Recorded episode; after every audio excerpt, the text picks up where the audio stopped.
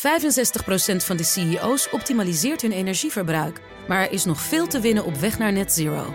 Meer weten? Ga naar pwc.nl slash netzero. De column van Bernard Hammelburg.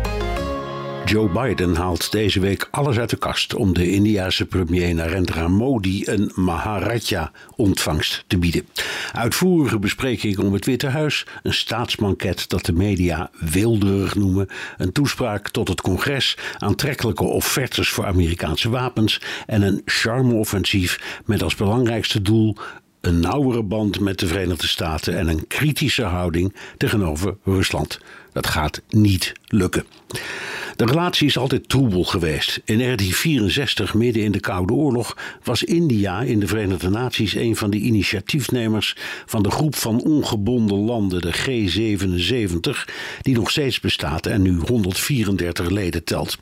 In de ogen van Washington was de G77 niet ongebonden, maar uitgesproken pro-Sovjet en later pro-Russisch. India bewijst dat. Het land is werelds grootste koper van wapens en die komen voornamelijk uit Rusland. Hoogwaardige gevechtsvliegtuigen, nucleaire onderzeeërs, hypersonische kruisraketten, tanks, artillerie en de onvermijdelijke Kalashnikovs. De straaljagers gaan nog tot minstens 2065 mee. Rusland is nu ook een van de belangrijkste olieleveranciers van India. En India laat zich echt niet verleiden tot het innemen van een anti-Russisch standpunt, bijvoorbeeld in de kwestie Oekraïne. Wat India en de Verenigde Staten wel delen, is wantrouwen tegen China. Daar staat weer tegenover dat Amerika tijdens de Indiaas-Pakistaanse oorlog de kant van Pakistan koos en met regelmaat militair materieel heeft geleverd aan Pakistan. Dan is er de kwestie van de mensenrechten. Modi doet zich voor als een vriendelijke liberaal, maar steekt zijn afkeer van moslims niet onder stoelen of banken. Na Indonesië is India het land met de meeste moslims en ze worden ernstig gediscrimineerd.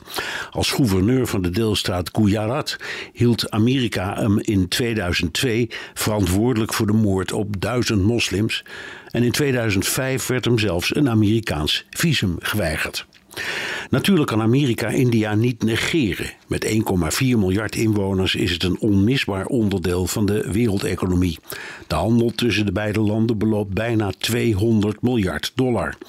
Dat Modi wordt uitgenodigd voor een officieel bezoek is begrijpelijk. Maar een staatsbezoek met al die toeters en bellen organiseer je voor een vriend, niet voor een kennis zoals de Indiaanse minister van Buitenlandse Zaken het noemde. Vrienden en bondgenoten bestaan niet meer, hooguit frenemies, zoiets als vijanden dus.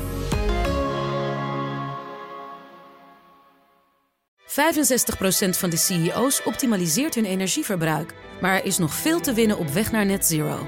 Meer weten? Ga naar pwc.nl slash netzero.